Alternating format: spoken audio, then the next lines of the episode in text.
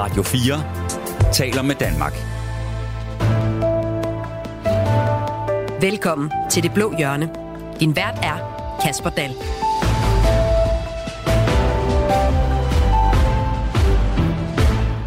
Sommerferien har i princippet sænket sig over Christiansborgs tykke mure, men det holder ikke politikerne tilbage fra stadig at gå og pusle med forslag, råd, reformer, tanker og udbrud. For selvom temperaturen den stiger ganske langsomt og sommerlandet kalder, så kan man ikke sidde en afsagt dom over flagregler i Danmark eller en række kostråd overhøre. Dem skal vi begge to forbi i dag, og så skal vi selvfølgelig også tage temperaturen på den nye uddannelsesaftale i Blå Blok. Mit navn er Kasper Daller, du lytter til Det Blå Hjørne på Radio 4. Velkommen til. Du lytter til Det Blå Hjørne på Radio 4. Men vi kommer ikke langt med mig alene, så derfor har jeg sædvanen tro tre borgerlige politikere med mig i dag. Steffen Larsen, velkommen til. Mange tak. Du er Liberal Alliances øh, retsordfører. Vi er øh, glade for, at du kunne finde tid til at være med i dag, for jeg ved, du har haft øh, travlt de seneste uger. Du er nemlig også øh, frivillig på Roskilde Festivalen, og du styrer byggeriet af den ret store arenascene. Det har du gjort i mange år. Ja. En øh, liberal, borgerlig politiker, der er frivillig og på den sådan ret woke Roskilde Festival. Hvordan kom du ind i det? Jamen, det gjorde for mange år siden, eller lad mig sige det på den måde, øh, jeg ved ikke om, om festivalen, den var nok ikke woke dengang, Men øh, der var det nok mere en rockfestival, øh, da jeg ligesom startede derude. Men ellers så, tror jeg, så synes jeg jo egentlig, at, at det her med det frivillige arbejde, og det her med at vise nogle unge mennesker, at man kan bruge sine hænder og sit hoved til at skabe noget stort og noget ordentligt, det er en sund værdi, også selvom den foregår til en Roskilde Festival. Og der er tid til at være frivillig, når man også er folketingsmedlem. Det er der mindre af, må jeg konstatere. Altså, jeg kan bestemme mindre over min tid, end jeg normalt vil kunne. Øh, særligt som formand for retsudvalget har der jo været nogle møder og nogle ting, hvor jeg er simpelthen nødt til at tage ind til dem og, og ligesom sørge for, at folkestyrets hjul drejer. Så, så jeg er også, øh, det er også mit sidste år som, øh, som byggeleder ude på festivalen, for jeg tror ikke, det, er, det, kan, det kan hænge sammen i, i samme stil. Det vil ikke sige, at jeg er færdig med at være frivillig, men det vil sige, at jeg er færdig med at være byggeleder. Men på trods af møder i øh, retsudvalget, så kan du godt garantere, at arenascenen den står fuldstændig sikkert og stabilt derude. Det gør den. Den står knivskarpt. Jeg har et super godt hold. Steffen Larsen, skal du høre Blø eller Rosalia i aften? Øh, hvis jeg skal høre noget, så bliver det nok Blø, må jeg konstatere. Rosal- Rosalia siger mig ikke så meget. Din øh, næste gæst, eller min næste gæst, er øh, Steffen Larsens sidemarker fra Folketingssalen, og nu også sidemarker mm. her i øh, det øh, blå hjørne. Pia Kærsgaard, velkommen til. Tak. Du er Dansk Folkepartis øh, værdiordfører. Øhm, sætter du også kursen mod øh, Roskilde Festival, når vi er færdige her om en lille times tid? Nej, det gør jeg ikke. Jeg har været der en enkelt gang, må jeg så sige, øh, og det er nok ikke lige mig som, som deltager, men god fornøjelse til alle dem, der er der, og jeg synes, det er flot. Det, som Steffen Larsen siger, det er jeg fuldstændig enig i. Frivilligt arbejde, det er bare fint, altså, så... Men det kan da godt være på et tidspunkt, hvis man kunne bruge mig som øh, kogejomfru eller sådan et eller andet dernede, så kan det da godt være, at jeg skulle sige, at det er lige mig. Men jeg synes, det med det frivillige arbejde, det er jeg helt enig i. Det synes jeg bare er godt. Pia Kjærsgaard, din øh, partiformand Morten Messersmith, han har jo lavet en lille video i anledningen af Roskilde Festival, hvor han sidder nede i, på en stol, jeg tror det er i Bibliotekshaven ved, ved Christiansborg, og fortæller, at han ikke lige er så meget til festivaler. Han er mere til operafestival, hvis han endelig skulle på festival. Hvis du nu skulle vælge en festivaltype, hvilken festival vil du så være til? Jeg tror, jeg, jeg tror faktisk, at jeg kan blive tiltrukket af begge. Det må jeg så sige. Ikke for at smyge udenom, men, men øh, der er jo noget i begge. Altså, jeg er også glad for opera, men jeg er så også glad for, for, for rockmusik. Og, altså, I det hele taget, så elsker jeg musik. Det må jeg så sige. Det bliver man jo bare glad af. Mm. Også velkommen til vores tredje debattør, Jeppe Sø fra Moderaterne. Tak for det. Jeppe Sø, er du til Roskilde Festival, eller Rockfestival, eller Operafestival? Altså nu findes der jo andre festivaler, og der er faktisk en af dem, der løber af stablen lige nu. Jeg er til Nibe Festival, øh, og der har jeg faktisk været frivillig i 30 år. Øh, og de første 10 år var jeg konferencier på den store scene. Øh, så jeg har i høj grad været beskæftiget med festival hver eneste sommer de sidste 30-35 år. Og det er Nibe Festivalen, hvor, hvor der jo er en, en 15-20.000 gæster, og jeg skal derud lige så snart vi er færdige her igen og blandt andet i aften hører One Republic og TV2 og alt muligt andet godt. Det er sådan lidt mere, lidt mere den poppede genre, er det ikke rigtigt? Nibe Festival? Nej, eller det du Nej, gerne vil høre. det er One alt Republic. muligt. Nå, nej. Nå, One Republic, jamen det er fordi, det skal man jo høre. Det er jo et øh, rimelig stort hovednavn. Det er egentlig ikke noget, der siger mig specielt meget. Jeg vil hellere høre Steffen Brandt, hvis jeg skal være helt ærlig.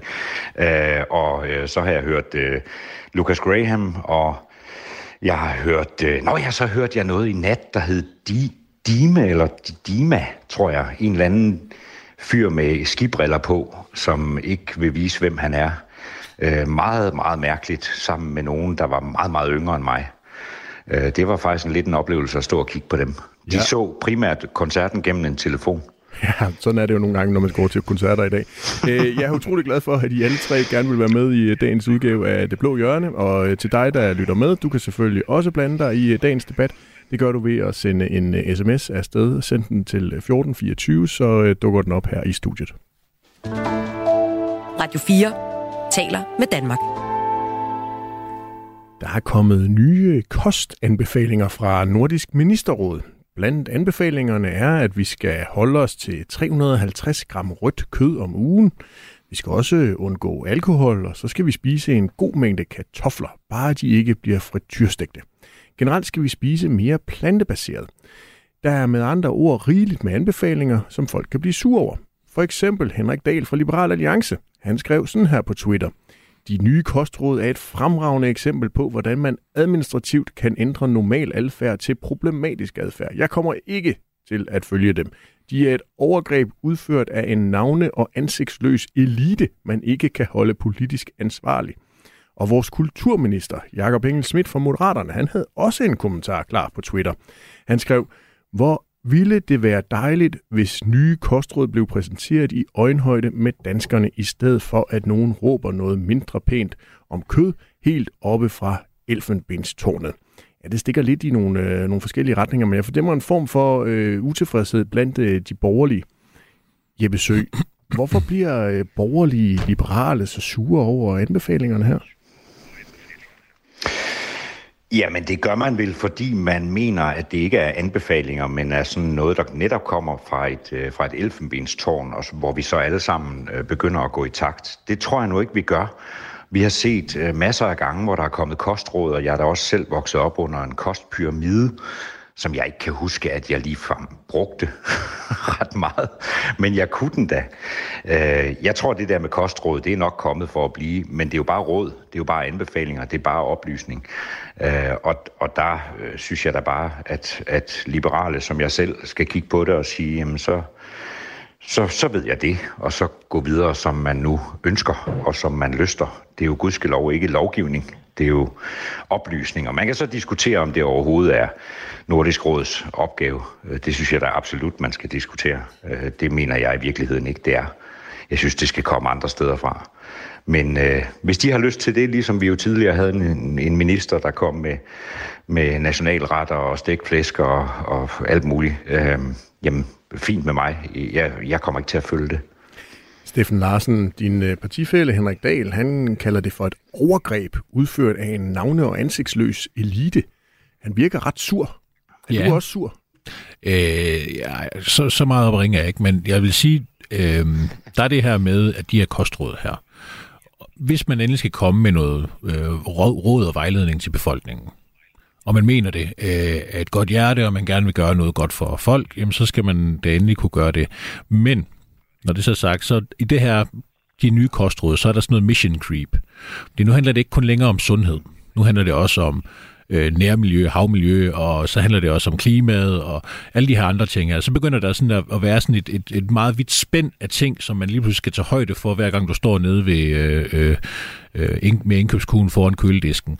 Og det, der bliver mit problem lidt, at okay, hvis vi skal lave nogle råd, og vi gerne vil have folk til at følge dem, og det er fordi, de skal være sundere, fint, det giver god mening, så laver man nogle simple råd om at spise velafbalanceret, øh, lad være med at spise for meget af den ene eller anden ting osv., det er super godt.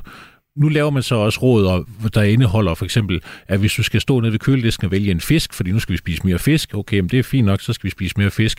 Nå, men du må bare, så er der visse typer fisk, du ikke må spise, og det skal være fanget for en bæredygtig bestand, og jeg synes, øh, ved jeg, kostrådene bør være simple de skal ikke være overkomplicerede, de skal ikke være besværlige, fordi det, der sker ved det her overkomplicering, det er jo, at folk de bliver formættet deres liv. Ikke? Altså, den enlige mor, der har tre børn, hun skal i forvejen øh, finde ud af lejeaftalen på fredag. Hun skal i forvejen finde ud af alle de andre ting. Hun skal også sortere sit affald i ni forskellige spande, hvis hun bor i Københavns Kommune. Og der er 35 andre ting, hun skal tage, tage, tage højde for. Og så er der forresten også, at madpakken skal være smurt til i morgen, og børnene skal være afleveret på tre forskellige adresser på tre forskellige tidspunkter, og alle de andre ting, der, skal, der ligger i en travl hverdag. Og så på samme tid, så skal man så stå nede i køledisken og så google sig frem til, om den fisk, man står og kigger på, den nu også er fanget bæredygtigt, inden man må lægge den i indkøbskurven. Så tror jeg ikke, man følger rådene. Og så tror jeg, at man har lavet nogle råd, som grundlæggende ikke bliver fuldt af befolkningen, og folk siger, det gider vi ikke bruge tid på.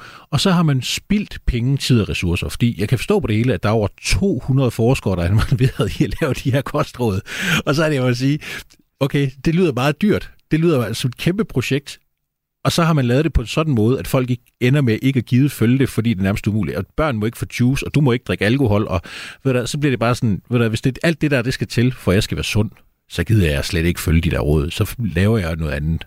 Pia Kærsgaard, du sidder også og ryster på mm. hovedet. Hvad tænker du om kostrådene? Jamen, jeg tænker nøjagtigt det samme, som mine to debattører her har sagt, øh, og jeg vil godt gå lidt videre og sige, at jeg synes, det er fuldstændig latterligt, at Nordisk Ministerråd nu også begynder at blande sig ind i det her. Og Steffen Larsen har fuldstændig ret. Det er ikke alene kostråd, det er nemlig også meget klima, vi skal til at tale om. Jeg tror faktisk, man er mere interesseret i klimadelen, end man er i borgernes sundhed. Og faktisk så ved vi jo godt de der ting. Men vi ved det godt. Vi ved godt, at vi skal spise mere grønt. Vi ved godt, at vi skal spise mindre kød. Men jeg gider simpelthen ikke have dårlig samvittighed. Jeg får det aldrig, hvis jeg smækker en rød bøf på grillen og øh, pomfritter til. Aldrig. Steffen Larsen, du er jo inde på det her med, at du synes, det bliver sådan lidt for kompliceret. Men er det ikke, fordi vi lever i en kompliceret øh, verden, hvor øh, vi er nødt til at prøve at se, om vi ikke som forbrugere kan være med til at stemme lidt med fødderne ved at måske også at købe noget andet, og på den måde forsøge at presse en, en, øh, en produktion, nogle leverandører, i en retning, der måske er mere bæredygtig, klimavenlig, så vi stadigvæk har en, det, en, det pres, en klode om 50 det, år? Det, det pres ser vi kørende helt automatisk. Det behøver vi jo ikke et, øh, et ministerråd, nordisk ministerråd til at komme og, og diktere, at vi skal. Og hvis de nordiske ministre virkelig vil, øh, Øh, gøre det her, så kunne de jo netop gå ind og gøre det. Altså, så, så, så jeg ser det som sådan en, en, en jeg synes det som en sådan en, altså, måde at besværliggøre nogle processer, som ikke behøver at besværliggøres. Jeg synes, jeg synes det, er, det er sådan, de gamle kostråd var fine og gode, fordi de var meget simple. De var lette at efterleve, og de tog højde for din sundhed som nummer et. Det, det er vi så holdt op med nu. Nu er det så alle mulige andre ting, der også skal være. Ikke? Altså, og så er det her med, at, at det bliver sådan helt asketisk. Ikke? Du må slet ikke røre alkohol. Ikke? Okay, jamen, hvad, nu, nu, nu kommer jeg jo lige ud fra Roskilde Festival. Men hvis det er usundt for din krop? Jeg, jamen, jeg, drikker, jeg drikker ikke vanvittigt meget, men jeg tror på, at der er også noget, der hedder mental sundhed. Jeg tror på, at der er også noget, der hedder at leve et balanceret liv for at have det sundt. Fordi, hvad, okay, det kan godt være, at mit, mit læme bliver hammerskarpt, og jeg bare står knivskarpt, men hvad hjælper det, hvis min sjæl den er syg af simpelthen at efterleve øh, øh, asketiske krav? Man er jo nødt til, vi kan jo ikke bare piske os selv, vi er nødt til også at leve et godt liv, og et godt liv forudsætter også, at vi engang imellem kan få en bøf og en øl og, og nyde livet. Pia Kærsgaard? Jo, men det, det er fuldstændig korrekt, øh, og øh, jeg synes, at øh, det breder sig jo. Det er jo det, man også gerne vil have. Og det er jo ikke bare Nordisk Ministerråd. Nu synes jeg stadigvæk, det er latterligt, at Nordisk Ministerråd sidder og beskæftiger sig med det, og det er garanteret hammerdyrt for skatteyderne at lave alle de her ting. Plus det er Sundhedsstyrelsen og alle mulige andre råd, der sidder og giver nogenlunde de samme råd. Jeg synes, jeg har hørt det før. Men det breder sig jo også i de offentlige institutioner. Det er jeg ikke i tvivl om. Altså nu var der ikke ret lang tid siden, hvor øh, man på plejehjem ville neddrosle og helt øh, afskaffe saftevand til de gamle. Altså herre du milde Gud. Og det var, fordi nu skulle de rigtig blive sunde. Hold nu op. Altså jeg har to råd, og det er køb dansk. Det synes jeg er en rigtig god ting. Så slipper vi for alle de her øh, ting frem og tilbage øh, fra andre lande. Øh, og det er danske landmænd, der har gavn af det. Og så gå i gang med dyretransporterne, det er også et godt råd, fordi det belaster i den grad også klimaet, plus dyrevelfærden. Så det er det, jeg synes, vi, vi, vi skal plædere for. Men alt det andet slap nu af. Altså. Og igen, jeg vil godt udbygge det lidt og sige, den der bøf og pomfritterne, der vil jeg da også have et glas rødvin eller en øl til. Selvfølgelig vil jeg det en aften, en sommeraften på terrassen. Jamen, så kan man ikke bare lade være med at følge de her kostråd? Hvor, altså, der er jo ikke nogen grund til at fare så meget op over det. Jo, jo, og jeg tror netop, at der tror jeg, Steffen har fuldstændig ret, at dem her kommer vi ikke til at følge, for de er så rigide, at man ikke kan leve et liv eller tage et frit valg. Øh, og der, altså, Moderaterne gik faktisk til valg på, at vi måske ville prøve at kigge på sådan et øh, miljømærke, altså hvor man for eksempel kunne se, at en avocado, øh, som er uden blødt det i øvrigt, avocado, øh, at sådan en, den er blevet fløjet øh, jorden rundt, hvorimod en, øh, en god dansk øh, bøf, som, øh, som Bia Kærsgaard siger, eller, eller noget lignende, jamen det kommer måske fra naboen. Øh, og der, der synes jeg, det, det er jo god folkeoplysning. Og så sagde du faktisk et spændende ord, øh, Kasper, som fik mig til at tænke mig lidt om. Øh, du sagde nemlig det der med at stemme med fødderne. Det kan jeg godt huske, vi gjorde en gang. Jeg kan godt huske en gang, hvor vi var græsrødder, som øh, boykottede øh, fransk vin på grund af atomprøvesprængninger og alt muligt andet. Og det gode ved at stemme med fødderne, det er, at det netop kommer nedefra. Det kommer ikke oppefra. Og der synes jeg, at vi har fået os et samfund, og det er i virkeligheden generelt, og, og, og mange fingre peger indad. Altså, hvor vi siger, hvad der er godt. Hvor vi siger, hvad folk de skal stemme med fødderne. Hvor vi forsøger at påvirke folk i en eller anden retning. Og der er vi altså, i min optik i hvert fald, gået fra oplysning, som gør, at man lige pludselig står sammen og, og, øh, og siger nej tak til et eller andet, til næsten at gøre det pinligt at købe et eller andet nede i en køledisk. Og, og det skal vi passe meget på med. Og der tror jeg egentlig, at de her kostråd er med til at sparke os lidt mere over i sådan en, hvor vi går i takt det, det, det ønsker jeg ikke et samfund, der gør. Steffen Larsen, du kommer lige ud fra, eller næsten, næsten lige ud fra Roskilde Festival. Du har i hvert fald været derude i, øh, i, i nogle dage, og på den måde fået et indblik i uh, ungdommen, hvis vi kan tillade os at kalde det det. Altså, kan det ikke tænkes, at en helt ny uh, ung generation rent faktisk mener, at de her uh, kostråd, de er gode relevante, fordi de netop er med til at, uh, at fremhæve nogle af de udfordringer, vi også har i en global uh, virkelighed?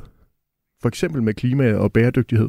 Der er nogen, der taler om det, men hvis du kigger på deres forbrugsvaner ude på festivalen, så kan jeg jo bemærke, at øh, de står i kø for at få øh, øh, med bøf i, og de står i kø for at få øh, øh, forårsruller, der er frityrestegt med, med kylling. Øh, så, så jeg ved ikke helt, øh, det, det, det ligner ikke at de alle sammen står over ved øh, øh, øh, Helles veganerbøffer, eller hvad, den, hvad det sådan en butik nu hedder.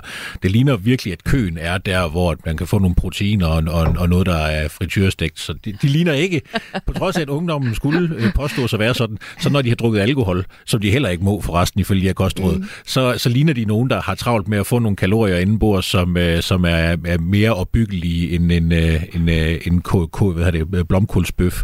Øh, det må jeg konstatere. Det er, det, det money talks, og der kan jeg bare se, hvor de går hen. Det kan jeg sgu. Altså, jeg tror, vi skal overlade den her diskussion til Alternativet, skal vi ikke? Altså, som lige i øjeblikket ikke kan finde ud af, om de skal drikke komælk eller plantebaseret mælk, og skal have psykologhjælp øh, for at finde ud af det. Altså, det selskab gider jeg simpelthen ikke deltage i overhovedet. Altså, jeg vil godt sige med de unge mennesker, altså, der kunne man da godt ønske, at de ville drikke sig lidt mindre i hegnet, altså, fordi mm. det har de slet ikke godt af, og de kan komme ud for nogle grimme ting. Men, men det er det der for, formynderiske, jeg simpelthen ikke kan fordrage. Men Pia Kærsgaard, du var selv lidt inde på det tidligere med et plejehjem, altså offentlige institutioner. For nogle år siden, der havde vi også en finansminister, det var Nikolaj Vammen, der var ude og, og præsentere en, en strategi for grønne indkøb, hvor han jo blandt andet foreslog, at uh, der skulle være vegetardage i de statslige kantiner. Altså skal det offentlige ikke prøve at kunne gå forrest, blandt andet ved for eksempel måske at følge Nordisk Råds øh, øh, kostråd? Jamen der skal være begge dele. Altså, jeg Men det er der jo også, selvom man har vegetariske dage, så kan man jo få kød de andre dage. Nej, man kan også få kød på de vegetariske dage, synes jeg.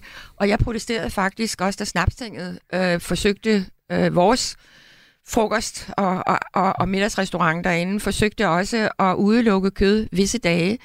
Det skal de ikke blande sig i. Det er det frie valg, om folk vil spise vegetarisk. Altså, det er fint, det er der. Det er der, men der skal også være, øh, øh, der skal også være kød på bordet, hvis det er det, man vil. Altså, det er det frie valg. Jeppe Sø, skal det offentlige ikke gå Helt forrest? enig op. Ja. jo, jo, det skal vi da på mange ting, men vi skal jo ikke gå forrest ved at sige til befolkningen, hvordan de skal gå til højre og gå til venstre. Og når du siger, at et plejehjem det er en offentlig institution, så er det rigtigt, det er der pengene kommer fra. Men det er jo faktisk et hjem for ældre mennesker. Det er deres hjem, og det de skal spise den dag, det er noget, de i deres frie liv derhjemme bliver tilbudt. Og der skal de da selvfølgelig have nogle muligheder. Men Jeppe, øh, risikerer, altså, risikerer vi så ikke, at vi rent faktisk får en eller anden form for overproduktion? Vi er med til at generere en masse madspil, og vi er på den måde med til at accelerere klimakrisen? Nej, jeg synes egentlig, mange af de der ting, synes jeg faktisk, borgerne selv har, har, øh, har ageret på. Øh, madspil øh, begyndte at blive et krav stille og roligt fra borgerne. Ikke en lovgivning, men fra borgerne. Og så var der jo detaljkæder, der sagde, hov, jamen det er da smart, vi kan jo sætte priserne lidt ned sidst på dagen. Øh, og, og på den måde, så, så blev det her til noget folkeligt. Og det er faktisk min pointe, at i det øjeblik, at det er folk selv, der tager et valg, så sker det. Og i det øjeblik, man så påtvinger nogen et valg, som de ikke har lyst til at tage, så bliver der modstand. Og der tror jeg, at vi skal, altså der er jeg fuldstændig enig med, med, med både Steffen og, og, og Pia, altså der bliver vi nødt til at gå oplysningsvejen, det er simpelthen fint, det må vi gerne sige, fisk er sundt og meget andet, det er i orden, men vi skal passe rigtig meget på, at det ikke er os, der forsøger at gå forrest uden borgerne, for det er dem, der skal gå forrest. Ja, og øh, jeg får jo helt lyst til lige at citere Anders Fogh Rasmussens nytårstale fra 2002, fordi det var dengang jeg sådan begyndte at være politisk vækket og, og begyndte at sådan rode lidt rundt i det. Men der var, øh, han sagde, befolkningen skal ikke finde sig i løftet pegefingre fra såkaldte eksperter, der mener at vide bedst. Eksperter kan være gode nok til at formidle faktisk viden, men når vi skal træffe personlige valg, er vi alle eksperter. Og det mener jeg altså også gælder på plejehjemmene. Der er man mm. altså også selv eksperter.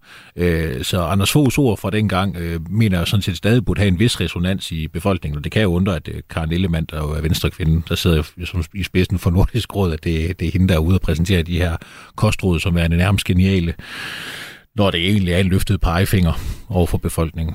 Jeg vil godt lige uh, supplere sådan lidt, lidt i et sidespor. Når Anders Fogh og jeg, vi møder hinanden, så siger vi i munden på hinanden, det var dengang, der var styr på tingene. Herunder også, at der er nogle øh, kostråd, man kunne sådan, fornuftigt leve efter, eller hvordan, Pia Kærsgaard?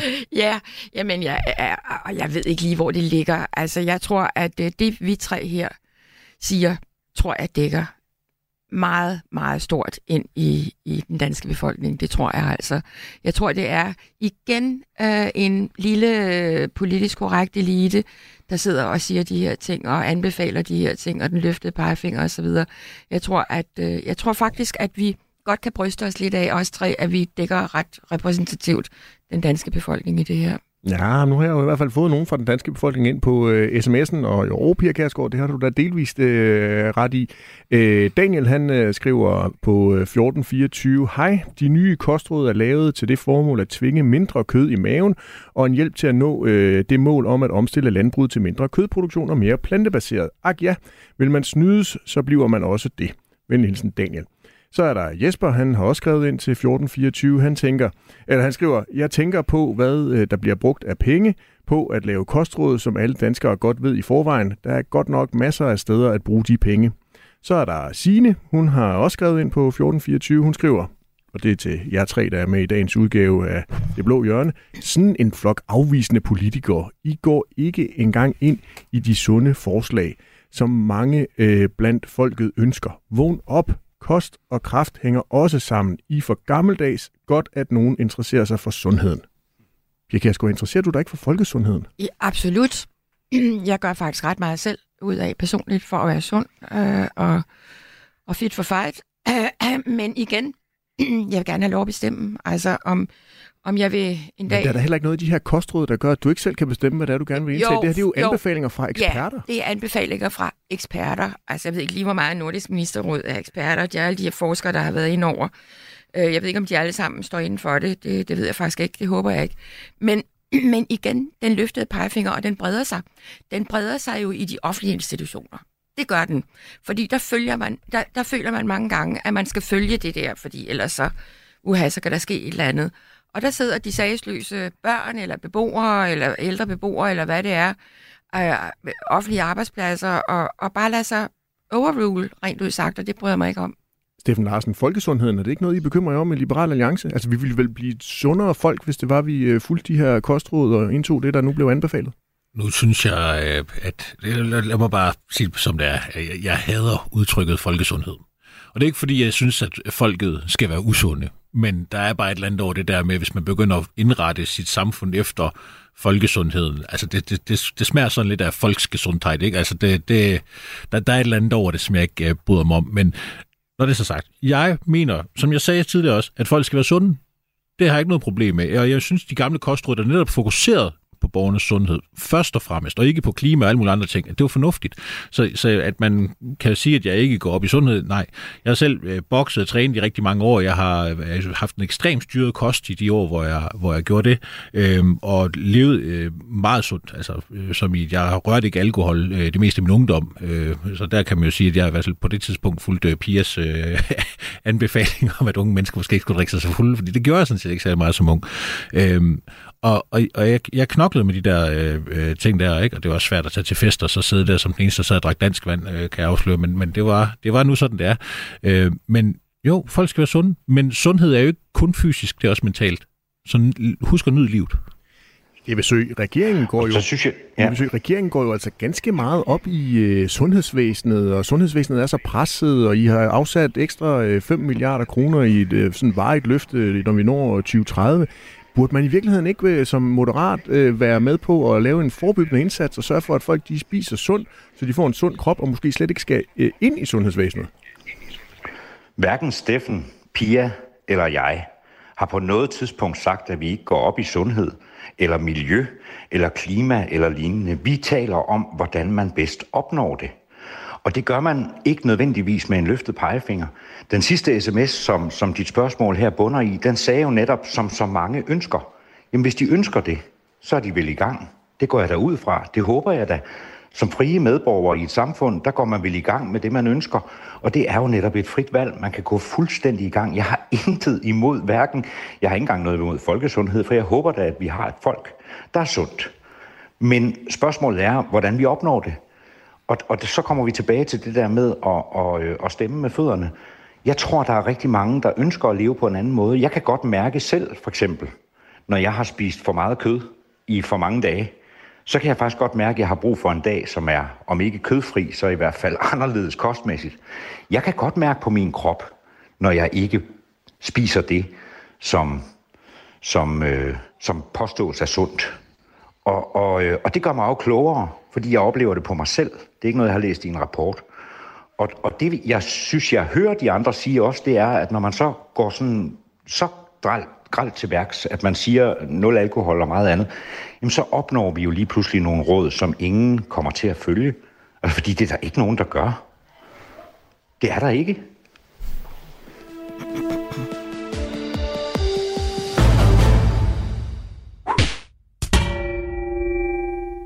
Ah, det blev det sidste ord i debatten om kostråd i øh, denne omgang i det blå hjørne.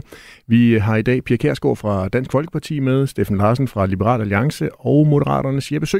Det er blevet øh, tid til vores øh, faste indslag i programmet, nemlig uddelingen af de blå mærker. Det her vil politikerne sende et kærligt, men bestemt blåt mærke i retning af en kollega eller et parti i centrum højre partierne. Steffen Larsen, hvem skal dit blå mærke gå til i denne uge? Jeg tror simpelthen, det må være Inger Støjberg. Hvorfor? Jamen, jeg synes det her med, at nu, nu har vi lavet en aftale om postlevering i, uh, i, uh, i Danmark, uh, og så går hun ud og siger det her med, at, at der simpelthen skal være en masse statsstøtte uh, indblandet i, uh, i postleveringen, uh, på trods af pakker og alverdens andre ting kan leveres i det her land her uden uh, statsstøtte. Så lige nuagtigt posten, nej, der må vi selvfølgelig så have et stort statsstøttet selskab. Og det synes jeg simpelthen, det er øh, et af, at det er forkert. Øh, noget andet er, at øh, det simpelthen også øh, øh, ikke passer. Altså, der, der er ikke behov for et stort øh, øh, offentligt tilskud for at få lavet pakker og post i det her land her. Det, det dur ikke, at man har den tilgang. Pia Kærsgaard, du knækkede lidt, da Inger Støjberg hun fik et, ja, blåt fordi, mærke. Hvorfor det? Fordi jeg har faktisk nøjagtigt samme person i tankerne, så hun får så et par blå mærker. Og det er altså på grund af... Også på grund af postaftalen? Nej, det er på grund af en anden aftale, og det er denne her om... Øh, øh, hvad hedder det, studiepladser, den der også lige er lavet her, hvor øh, Danmarksdemokraterne for kort tid siden sagde, at det kommer aldrig nogensinde til at ske, fordi øh, der var i forvejen en, en stor skyld. Øh, altså, der var rigtig mange udenlandske studerende, som skylder Danmark faktisk 1,3 milliarder kroner, fordi de får deres uddannelse i Danmark, engelsksproget, og så smutter de, farvel, tak for uddannelsen, væk fra Danmark. Og der, der var jeg altså godt nok overrasket over, at øh, Inger Støjberg og Danmarksdemokraterne, de vil have mere udenlandsk arbejdskraft. øh, og det var, det var altså godt nok et, et ordentligt svung svungsving, som, som Inger Støjberg foretog der. Så blå mærker til Danmarksdemokraterne for både at være med i en aftale, og også for ikke at være med i en øh, aftale. Jeppe Sø, kigger du også mod Inger Støjberg og Danmarksdemokraterne i denne uge, eller hvem skal have dit blå mærke? Jamen ved du hvad, jeg beklager rigtig meget. Jeg har faktisk tænkt og tænkt og tænkt om, hvem jeg har lyst til at give et blåt mærke, og, og jeg tror, enten er jeg ramt af sommer, eller også er jeg ramt af, at det jo faktisk har været en god uge med brede aftaler, og dermed jo altså gode forhandlinger og gode samtaler i Folketinget. Så, så jeg har simpelthen lyst til at springe over, i stedet for bare at levere et plaster øh, til de blå mærker, jeg har sat. Øh, og, og, og, og simpelthen, jeg, jeg, jeg kan ikke lige finde ud af, hvem jeg synes skulle fortjene et eller andet slag inden sommer. Der er... Så jeg beklager. Jeg kan ikke pege på nogen. Jeppe Sø, han, øh, Jeppe Sø, han ærer resten af øh, Folketinget og håber på, at de går glade på sommerferie og kommer ikke mindst også glade tilbage igen. Øh, ellers, øh, Jeppe Sø, så hvis du nu havde givet Inger Støjberg øh, et blåt mærke, så kunne du måske også med næsten statsgaranti finde hende på øh, festivalpladsen hos øh, Nibe Festivalen, fordi der plejer hun jo nemlig også at Det er nemlig fuldstændig rigtigt. Der er vi altid fast inventar, ja. Radio 4 taler med Danmark. Højesteret har talt. Det er ikke kun Dannebro, der må hejses i flagstangen i haven. En dom fra forrige uge slår nemlig fast, at det er tilladt at flage med andre nationers flag i Danmark. Noget, der ellers har været betragtet øh, som øh, øh et forbud helt tilbage fra øh, 1915. Om det bare bliver til en enkelt sommer med fri flagning, det ved vi ikke endnu. Justitsministeriet vil efter sommerferien kigge reglerne igennem og øh, vurdere, hvordan de fremtidige regler så skal øh, se ud. Samtidig er der flere politikere, som gerne ser, at vi kommer tilbage til kun at tillade Dannebrog i flagstangen. Blandt øh, andre Danmarksdemokraternes kulturordfører Søren Espersen. Han øh, siger sådan her til DR. Jeg synes, det er så specielt, at vi nu har en højesteretsdom, der siger, at nu kan udlændinge frit flage i Danmark. Der øh, har jo ikke været lovgivning på det her område. Der har været nogle kongelige forordninger. Der har aldrig været behov for lovgivning, men det synes jeg altså, der er nu. Pia Kærsgaard, din øh, formand Morten Messersmith, han var også på øh, Twitter tidligere i, øh, i den her øh, uge, hvor han øh, skriver nej tak til flagdommen og annoncerer, at Dansk Folkeparti vil fremsætte et øh, lovforslag. Hvad er det for et lovforslag, I øh, barsler med, Pia Kærsgaard? Det er et lovforslag, hvor, eller beslutningsforslag, hvor det skal præciseres, at i Danmark, der flager man kun med Dannebrog, med mindre man har søgt om at få en aftale i en periode med et andet flag, som for eksempel Ukraineflaget, som, som vi oplever i, i disse måneder. Øh, det er jo fuldstændig, jeg, jeg må sige, det kom fuldstændig bag på mig, og jeg har altid troet, at det var på den måde, netop som jeg siger, at man flager med Dannebrog, hvis der er et ønske i, på grundet et eller andet, så søger man om det i en periode, så får man det som oftest af mit, af mit indtryk. Men det der med, at man pludselig kan flage med alle mulige andre flag, det, jeg, jeg forstår det simpelthen men, ikke. Altså, men, Dannebro er vores samlingspunkt. Men, det er vores nationale symbol. Det er så vigtigt, og, og jeg synes, det er grotesk. Men Pia Kjærsgaard, hvorfor er det så farligt, hvis man mm. hænger andre flag op for at markere et eller andet særligt tilhørsforhold til en, en anden nation, et andet land eller lignende? Fordi vi bor eller et piratflag? Ja, eller alt muligt andet, øh, fordi vi bor i Danmark. Og fordi i Danmark, der flager man med Dannebro. Jeg ser jo desværre ofte, og, og jeg vil godt nævne, i de her studentertider, der er måske andre end mig, der har lagt mærke til det, der er rigtig mange af de her nyuddannede studenter, og tillykke med det, men med anden endelige baggrund, de går rundt med den her hue på hovedet. Mange af pigerne har tørklæder og sådan en hue ovenpå, men de har, gud hjælp med også deres flag, hjemlandsflag, palæstinensiske flag eksempelvis, mange gange rundt om skulderen. Og der tænker jeg, hvad sker der for jer, venner? Altså, I bor i Danmark, I har fået uddannelse her, det er da Dannebro, I skal flage med. Øhm, og jeg synes, det er, jeg synes, det er direkte anstødeligt. Og prøv, prøv lige at forestille jer, den jyske vestkyst eksempelvis. Der ved vi jo nogle gange godt kan få lidt problemer med strandene og jeg ved ikke hvad, med tyske turister, øh, hvor man måske synes, at selvom man har lejet dansk sommerhus, så, så tager man det tyske flag. Eller kolonihaverne, som er så danske, som jeg ved ikke hvad, som i forvejen i disse år får rigtig mange med anden etisk baggrund. Jeg ser ikke det palæstinensiske flag i en dansk kolonihave. Men Pia Kjærsgaard, øh, Morten Messersmith, han tilføjede øh, til den her tekst, han lagde ud på, øh, på Twitter, også et, et billede, I havde redigeret, nemlig af et hyggeligt sommerhusområde eller kolonihaveområde, hvor flagstængerne, der øh, vejede der blandt andet et russisk, et kinesisk og et saudiarabisk flag. Øhm, er det ikke lidt at male undskyld, jeg siger, undskyld mit sprog, sådan fanden på væggen. Altså, det er vel ikke de tilstande, vi vil komme til at se. Der vil vel stadigvæk være masser af Dannebro, og det er vel næppe sådan, der kommer til at være russiske, kinesiske og saudiarabiske flag. Hvor ved du det fra? Altså, jeg må jo bare sige, det jeg har oplevet, og det har faktisk chokeret mig ret meget med at se de her unge, altså de fræser også, rundt i bilerne, hvor de har deres hjemlandsflag ud af vinduerne.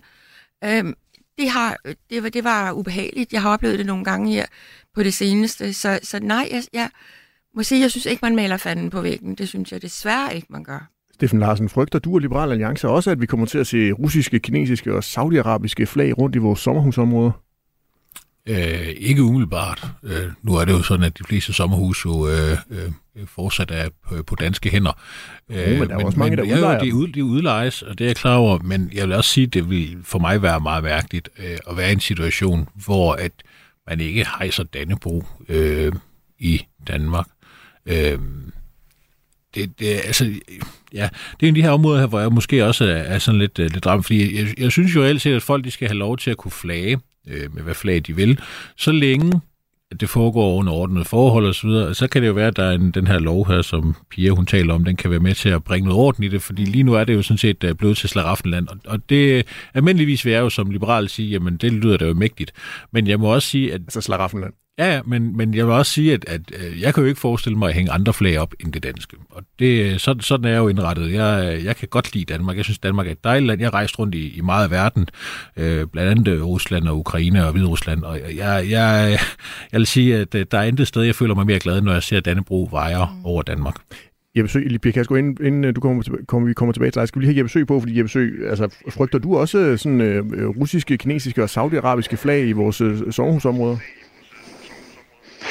Jeg frygter, det er måske et stort ord, men det kan jo også være OB-flag og Brøndby-flag og alt mulige andre flag og piratflag og jeg ved ikke hvad. Øhm, jeg synes slet ikke, at det her skal gøres til en udlændingedebat. Altså for mig er der ikke nogen øh, problemer med, at der er en, der øh, har fået et 12-tal og render rundt med, med det flag, som de nu øh, repræsenterer sig med, øh, under ingen omstændigheder. Ligesom danskere, der er i udlandet og vinder en guldmedalje, løber rundt med Dannebro, øh, så kan man jo godt være stolt og også fædrelandskærlig over for det sted, man kommer. Så for mig er det ikke en udlændingedebat. For mig er det noget om danske traditioner. Og, og, øh, og danske traditioner, der må jeg sige, at jeg, jeg er faktisk lige så overrasket, som, som, som, som Pia Kærsgaard er. Øh, fordi jeg troede vidderligt, og sådan er jeg der opdraget, at der var nogle ret rigide flagregler, og det var der, fordi vi har et land, hvor vi gerne vil bevare nogle ting. Og nogle ting skal jo bevares ved lov, og sådan er det jo. Øh, og, og der troede jeg vidderligt ikke, at man kunne andet og måtte andet. Jeg kan da huske som barn, at jeg gerne ville hejse piratflag, fordi vi legede en leg. Og der kom min mormor løbende, altså virkelig løbende, øh, og sagde, at det måtte jeg sørge ikke i flagstangen. Øh, ligesom min morfar tit kom løbende, når jeg foldede Dannebro sammen på en forkert måde, øh, fordi korset, og, og det måtte ikke røre øh, jorden, og alle de der, det er jo traditioner, der gør os danske, og vi skal passe på vores traditioner. Men jeg besøger, skal traditionerne ikke også udvikles og følge med tiden? Jo, jo, øh, det, og det tror jeg da egentlig også, de gør. Jeg tror i virkeligheden, at de gør det ved, at mange ikke har så et flag. Og jeg kan også se på flagdage, at, at der er mange, der har en flagstang, som ikke har forstået, at de jo den dag gerne skulle være, om ikke hjemme, så i hvert fald, hvis de er hjemme, øh, lige hejse flaget og dermed øh, vise, ja, hejse flaget, det ligger jo i vores, vores ord oven i købet. Øh, og hejse flaget og sige, vi, vi bor i Danmark, og i dag har, en, har vi et fællesskab, og vi har en fælles tradition, som vi alle sammen går, går, går ind for. Så jeg, jeg er godt nok overrasket over den her højesteretsdom. Det, det, det må jeg sige. Øh, den, den, den overrasker mig. Jeg, jeg, jeg er ikke nødvendigvis bange for alle mulige forskellige landes flag, men jeg er bange for, hvad vi kan bruge det til af forskellige statements i alle mulige haver. Øh, og det kan også være, være fodbold, og det kan være religiøse ting, og det kan være alt muligt. Og der synes jeg nu egentlig, at det er øh, vældig dansk og vældig, vældig fin tradition, at vi har respekt for, for det rød-hvide klæde. Steffen Larsen? Ja, det var bare, du sagde det her med at følge med tiden. Øh, det, det, det, det, er, det som jeg hader det argument, når nogen bruger det. Jeg, jeg får helt knupper og alt muligt, øh, fordi jamen, tiden, jamen, tidsånden skifter hele tiden. Øh, der var også nogle år siden, der var der nogle øh, Las Ketchups, øh, et, havde et rigtig dårligt nummer. Øh, det betyder jo ikke, at alle folk de skal øh, for evigt øh, synes, at Las Ketchup var et godt band. Ja, for øh, tiden rykker sig jo, så kommer ja, der jo et nyt godt band. Lige nuagtigt, men, men det er også her, hvor at, at der er nogle ting, Altså, der er nogle traditioner, vi har, som vi har af årsager, som vi måske endda har glemt. Men det gør jo ikke, at traditionen nødvendigvis har tabt sin værdi, eller har tabt sin... Øh, nu lyder jeg utrolig konservativ og liberal at være lige lidt, men jeg, jeg ser en god fornuft i, at for eksempel Dannebro er det samlende banner for de mennesker, der bor i Danmark. Og det burde det være. Der er, plads til, der er plads til alle former for mennesker i Danmark, så længe de efterlever øh, de, den gensidige tolerance og nogle af de normer, vi har. Øh, og dermed så Dannebro er jo ikke nogle fremmede menneskers flag. Hvis du bor i Danmark, og du holder af at være her, så er Dannebro også dit flag, og så burde du tage det til dig. Og, og det der, så, synes jeg, at den der idé om, at man, man sådan øh, skal kunne flage med alt muligt fodboldflag, og hvad, hvad der ellers er, øh, det, det synes jeg egentlig ikke om. Jeg synes netop, at Dannebro er det samlende flag for Danmark, også for både FCK og Brøndby-fans, øh, og også for øh, folk, der øh, tror, de skal løbe rundt med et øh, palæstinensisk flag, fordi de har fået et øh, 12-tal i hugen. Nej, hør, Dannebro er også jeres flag, hvis I tager det til jer. Pia Kærsgaard? Jamen, jeg er bare så enig, altså det, og jeg kan da lige så godt tage fat om Nille tråd. da jeg sad i, i Folketingets præsidium, øh, kom de jo op af regnbueflaget, skulle øh, op under Pride øh, på Christiansborg. Det var jeg den eneste, der var imod, og det er jeg fortsat. Og det er bestemt ikke, fordi jeg er imod Pride eller homoseksuel eller noget som helst, men et institutionsflag, så kan vi jo blive ved. Altså, det er et det er ikke et landeflag, det er et institutionsflag, og det synes jeg er fuldstændig grotesk. Altså, at, Men det er vel det også her- et signal, som Folketinget kunne sende til en lang række minoriteter om, at man fra Folketingets side gerne vil vise mangfoldighed, være inkluderende og lignende. woke, woke, woke. Altså, og det gider jeg bare ikke. Altså, det er man i sin... Hvorfor ikke sende det signal fra Hvorfor? Folketingets Altså, jeg bryder mig ikke om at sende signaler. Jeg synes, at man skal gøre de ting, som man føler er rigtige, og selvfølgelig have åbenhed. Altså, nu kommer vi nok ind i en eller anden øh, humordiskussion, ikke? Øh, og jeg var selv ude om det. Men jeg gider bare ikke det der, og jeg kan lige så godt sige, når man sidder og taler om sørøverflag, OB-flag og hvad ved jeg, ja, og regnbueflag, kom nu, ikke? Altså, og vi tør ikke rigtig sige det, men det tør jeg godt. Jeg synes, det er forkert, og jeg har intet, det bliver man nødt til at understrege hele tiden, overhovedet imod homoseksuel. Men jeg synes, det er fuldstændig latterligt, at man tog den beslutning af Folketinget og offentlige institutioner i al almindelighed. Dansk erhverv, og jeg ved sandelig ikke hvad. Altså flager med et regnbueflag. Men Pia Kjærsgaard, sender vi ikke også et signal, når det er, at vi hejser det ukrainske flag? Jo, men det er jo, det er jo en helt anden situation. Det er jo et landeflag. Altså, hvis vi, vi, har, vi har så jo også EU-flaget på Christiansborg. Det synes jeg også er totalt latterligt. Det er ikke et land. Det er en institution, en forening af nogen, der gerne vil være med i den. Altså, det støder jo andre, der ikke er med. Altså, et flag symboliserer et land. Og det gør de ukrainske flag også. Og det synes jeg er fint, at Og vi det er kun ansøgte. landeflag, der må hænge i flagstænger. Ja, det synes jeg. Hvorfor? Fordi det er en flagstang for, for, for de forskellige lande, og i Danmark er det Dannebro. Pia Kjærsgaard, højesteretsdommen her, den betyder jo også, at det tyske øh, mindretal i Sønderjylland nu frit kan flage med deres flag. Mm. Må de ikke det? Nej, det synes jeg ikke. Hvorfor ikke det? Hvorfor må det tyske mindretal Ja, ikke fordi- øh, ja, få lov til fordi at markere er- deres tilknytningsforhold til fordi- øh, andre? Fordi det er Danmark. Altså, det, det er stadigvæk det, der er så helt, helt afgørende for mig. Steffen Larsen, det tyske mindretal, skal de ikke have lov til at flage? Altså, øh, hvis vi kigger på den bondtraktat, som ligger omkring netop det både det tyske og det danske mindretals rettigheder, så ligger der ikke noget om, at de skal have lov til at flage med det tyske flag i Danmark, ligesom vi ikke skal have lov til at flage med Dannebro i Tyskland. Altså, så, så mindretallene, de har lov til at have deres sprog, de har lov til at have deres skoler, de har lov til rigtig mange ting, øh, men det at egentlig flage på dansk territorium med det tyske flag, det vil jo egentlig nok, ifølge den måde, som de her aftaler blev lavet i sin tid, blive set som værende relativt aggressiv øh, måde at være på. Øh, det vil blive set som ta- territorieovertagelse øh, overtagelse måske. Øh, så så det, det vil jeg, jeg da sige, ud fra sådan en historisk perspektiv, så tror jeg, at man skal passe på med at åbne op for den øh, øh, øh sæk med øh, hugorme. Øh, det, det, det tror jeg, det, det kan være øh, mere problematisk, end det kan være godt. Jeppe så du sidder jo nu i Folketingets øh, præsidie. Skal der stadigvæk være øh, et, øh, et regnbueflag, der vejer over Folketinget? Jamen ikke hvis, det, ikke hvis det står til mig. Altså fordi jeg er faktisk enig med Pia Kærsgaard, ikke i forhold til lige regnbueflag, men jeg er det faktisk også i forhold til Ukraine. Øh, jeg synes, det var en meget fin løsning, vi lavede, hvor vi lyste Christiansborg op i Ukraines farver. For det er sådan et symbol. Men flagstængerne, der mener jeg i virkeligheden, at vi skal holde os til Danbro, og det gælder også EU-flag og hvad der ellers måtte være af, af forskellige øh, symboler. Øh, altså der synes jeg, vi kan gøre det på andre måder, og det viste vi jo netop, da der var øh, ukrainske farver på, på Christiansborg. Det var så ufattelig smukt. Det var nærmest smukkere end at hejse flaget, øh, fordi det var hele borgen, der var indhyllet i en øh, respekt for, for Ukraine. Det, det synes jeg faktisk var smukkere. Fordi de diskussioner, vi får ud af det, når vi begynder at flage med eksempelvis et regnbueflag, eller et ukrainsk flag, eller hvad det nu måtte være for et flag, jamen det vil jo så være næste krig. Skal vi så også flage der?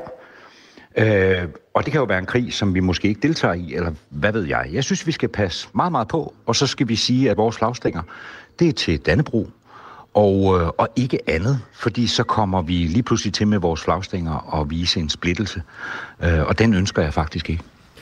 Steffen Larsen, nu sagde du tidligere, at nu har vi udviklet det her til et uh, slaraffenland for, uh, for flagstængerne. Der kan komme alt muligt op og, uh, og hænge i det. Uh, Dansk Folkeparti og Justitsministeriet er jo nogle af dem, der er i gang med at kigge på, hvordan er det, vi kan måske få nogle regler på, på det her område. Vi taler jo rigtig meget om afbiokratisering. Mm. Altså, behøver vi virkelig at have regler på det her område? Altså behøver vi have nogle regler, som der er nogen, der skal gå og overholde og tjekke, at der ikke hænger andet i flagstængerne i kolonihaverne og sommerhusene? Øh, ja og nej. Altså indtil videre har vi jo kørt med de her kongelige forordninger her. Det, der var godt ved dem, var jo, at de var simple og let forståelige. Øh, og jeg har jo ikke noget imod byråkrati som sådan. Byråkrati kan være godt. Altså, byråkrati er det, der sikrer ligebehandling af borgerne, for eksempel. Det har jeg ikke noget imod, når det gør det. Der er også dårligt byråkrati. Det er jo det byråkrati, der sløver og forsinker og, og tilsander alle processer osv. Det skal vi selvfølgelig af med. Men der er også fornuftsbyråkrati, altså der er fornuftsregler.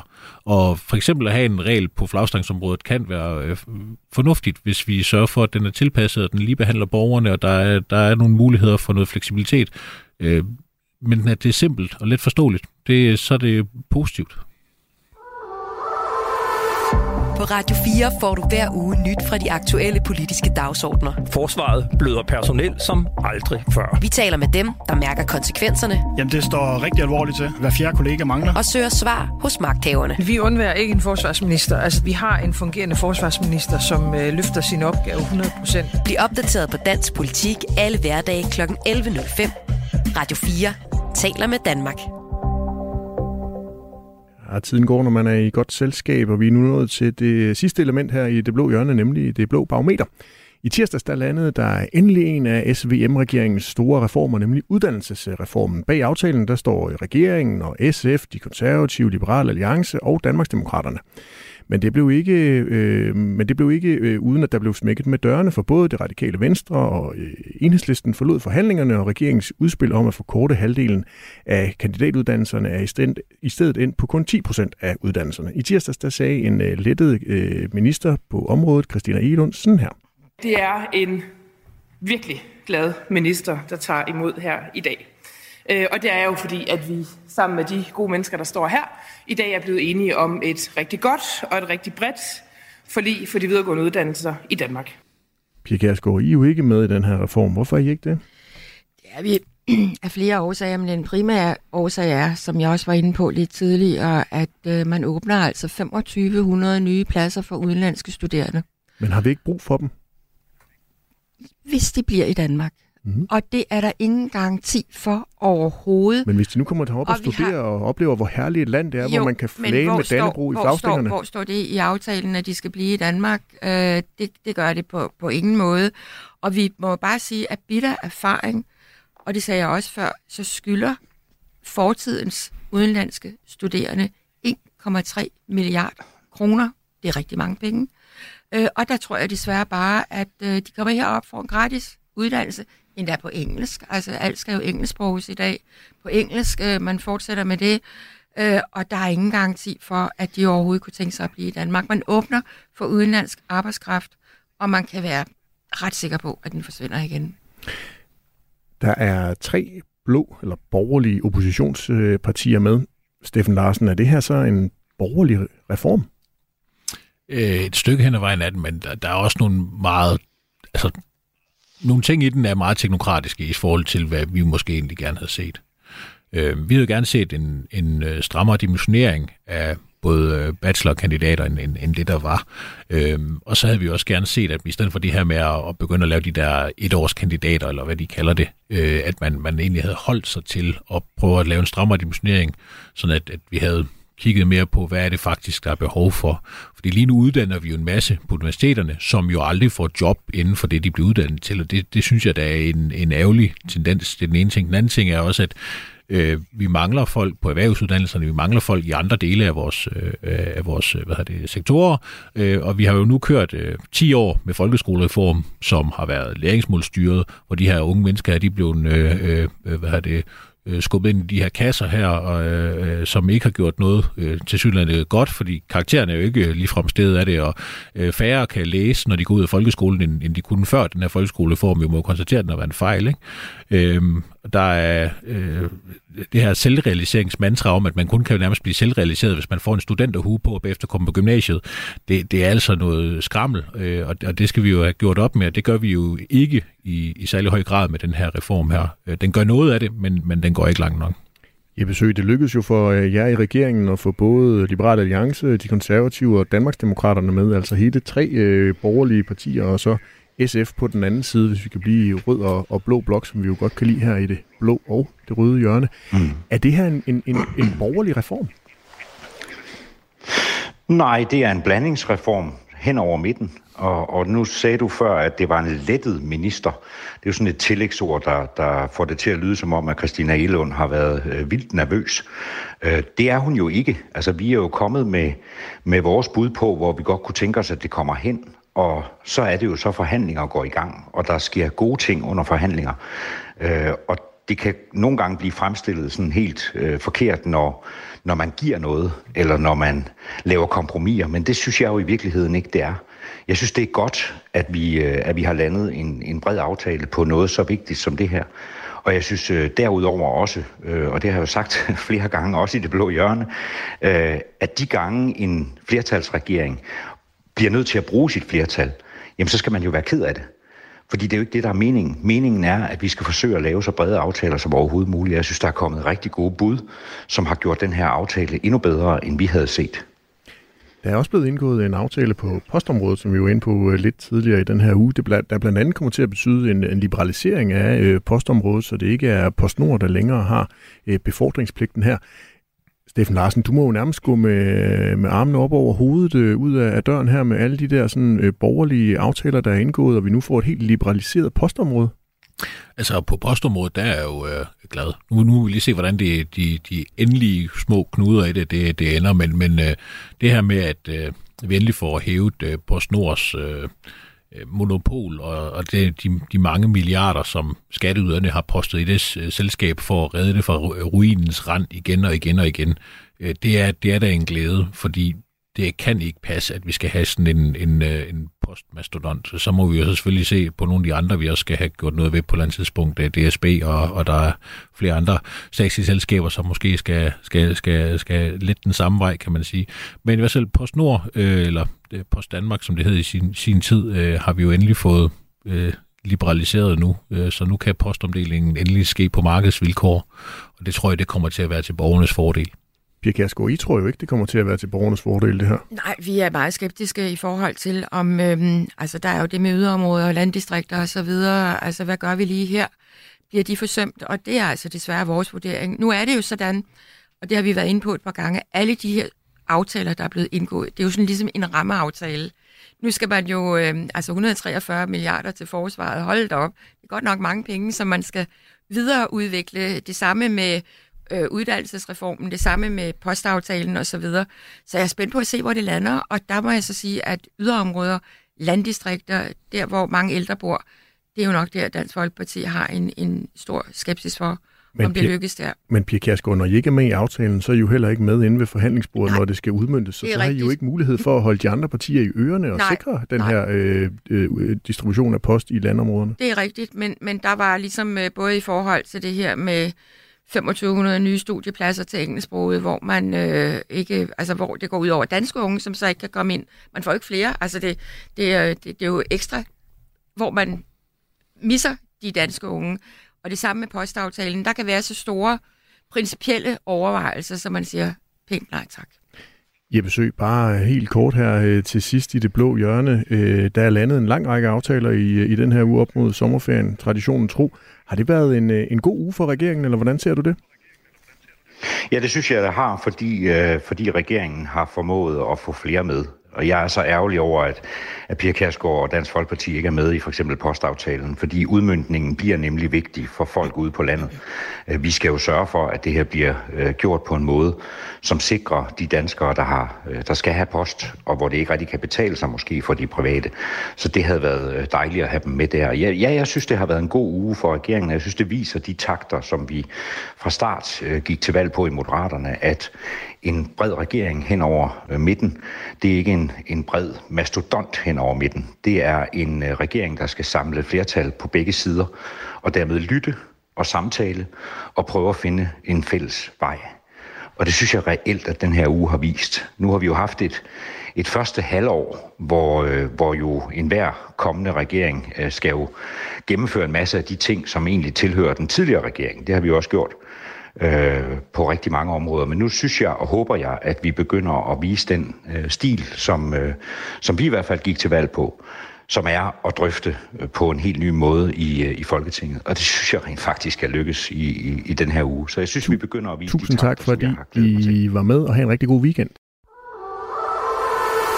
På Radio 4 får du hver uge nyt fra de aktuelle politiske dagsordner. Forsvaret bløder personel som aldrig før. Vi taler med dem, der mærker konsekvenserne. Jamen, det står rigtig alvorligt til. Hver fjerde kollega mangler. Og søger svar hos magthaverne. Vi undværer ikke en forsvarsminister. Altså, vi har en fungerende forsvarsminister, som øh, løfter sin opgave 100%. Bliv opdateret på dansk politik alle hverdage kl. 11.05. Radio 4 taler med Danmark.